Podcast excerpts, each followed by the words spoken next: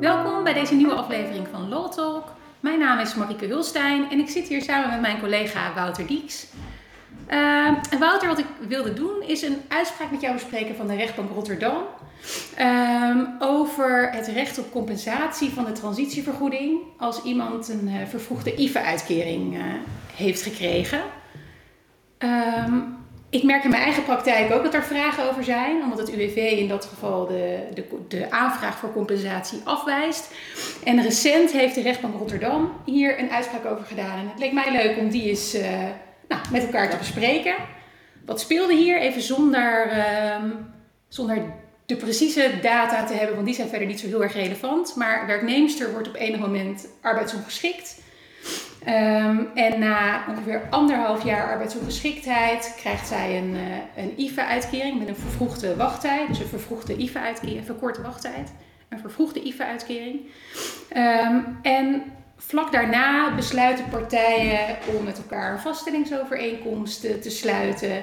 Volgens mij besluiten ze dat uh, januari en per 1 februari eindigt dan de arbeidsovereenkomst. Um, en wat hier dus het ding was, is dat einde wachttijd nog niet bereikt was. Dus op het moment dat de arbeidsovereenkomst eindigt, was die mevrouw nog niet uh, twee jaar ziek. Nou, de werkgever betaalt de transitievergoeding van ruim 20.000 euro en komt vervolgens uh, bij het UWV.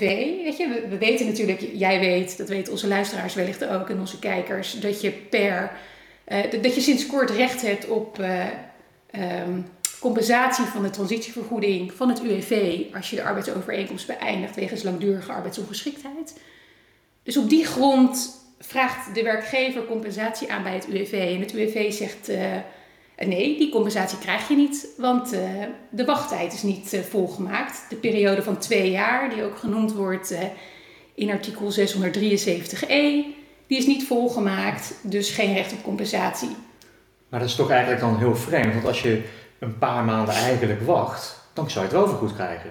Uh, ja, ja, en dat is natuurlijk ook wat deze werkgever volgens bij de rechtbank ook weer. Uh, de, de, de, werkgever gaat in beroep. En die zegt ook bij de rechtbank: van ja, weet je, um, wij hadden op het moment dat die werknemer de vervroegde IVA-uitkering kreeg, hadden we geen reïntegratieverplichtingen meer. Um, eigenlijk zou je dus kunnen zeggen dat de situatie vergelijkbaar was met het geval van een slaap- en dienstverband. Want je hoeft niks meer met, uh, met elkaar. En als je dan niet zou mogen beëindigen, nou ja, je mag natuurlijk wel beëindigen, maar als je dan geen compensatie zou krijgen, dan zou ook in deze situatie onnodig het dienstverband in stand worden gehouden.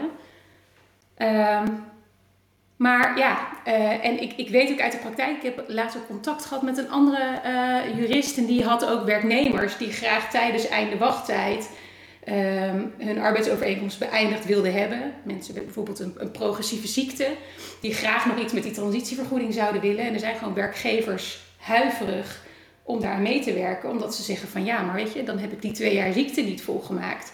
Dus dan loop ik het risico dat ik mijn transitievergoeding niet gecompenseerd krijg. Um, en die angst die blijkt dus op basis van deze uitspraak in ieder geval van de rechtbank Rotterdam terecht.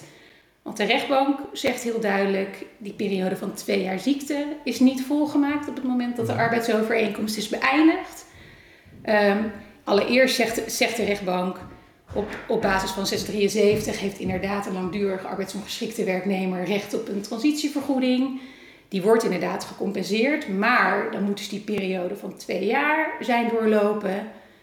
Ja, en dat was hier niet het geval. En, en de rechtbank zegt heel duidelijk, ja, die twee jaar staat duidelijk als voorwaarde in de wet.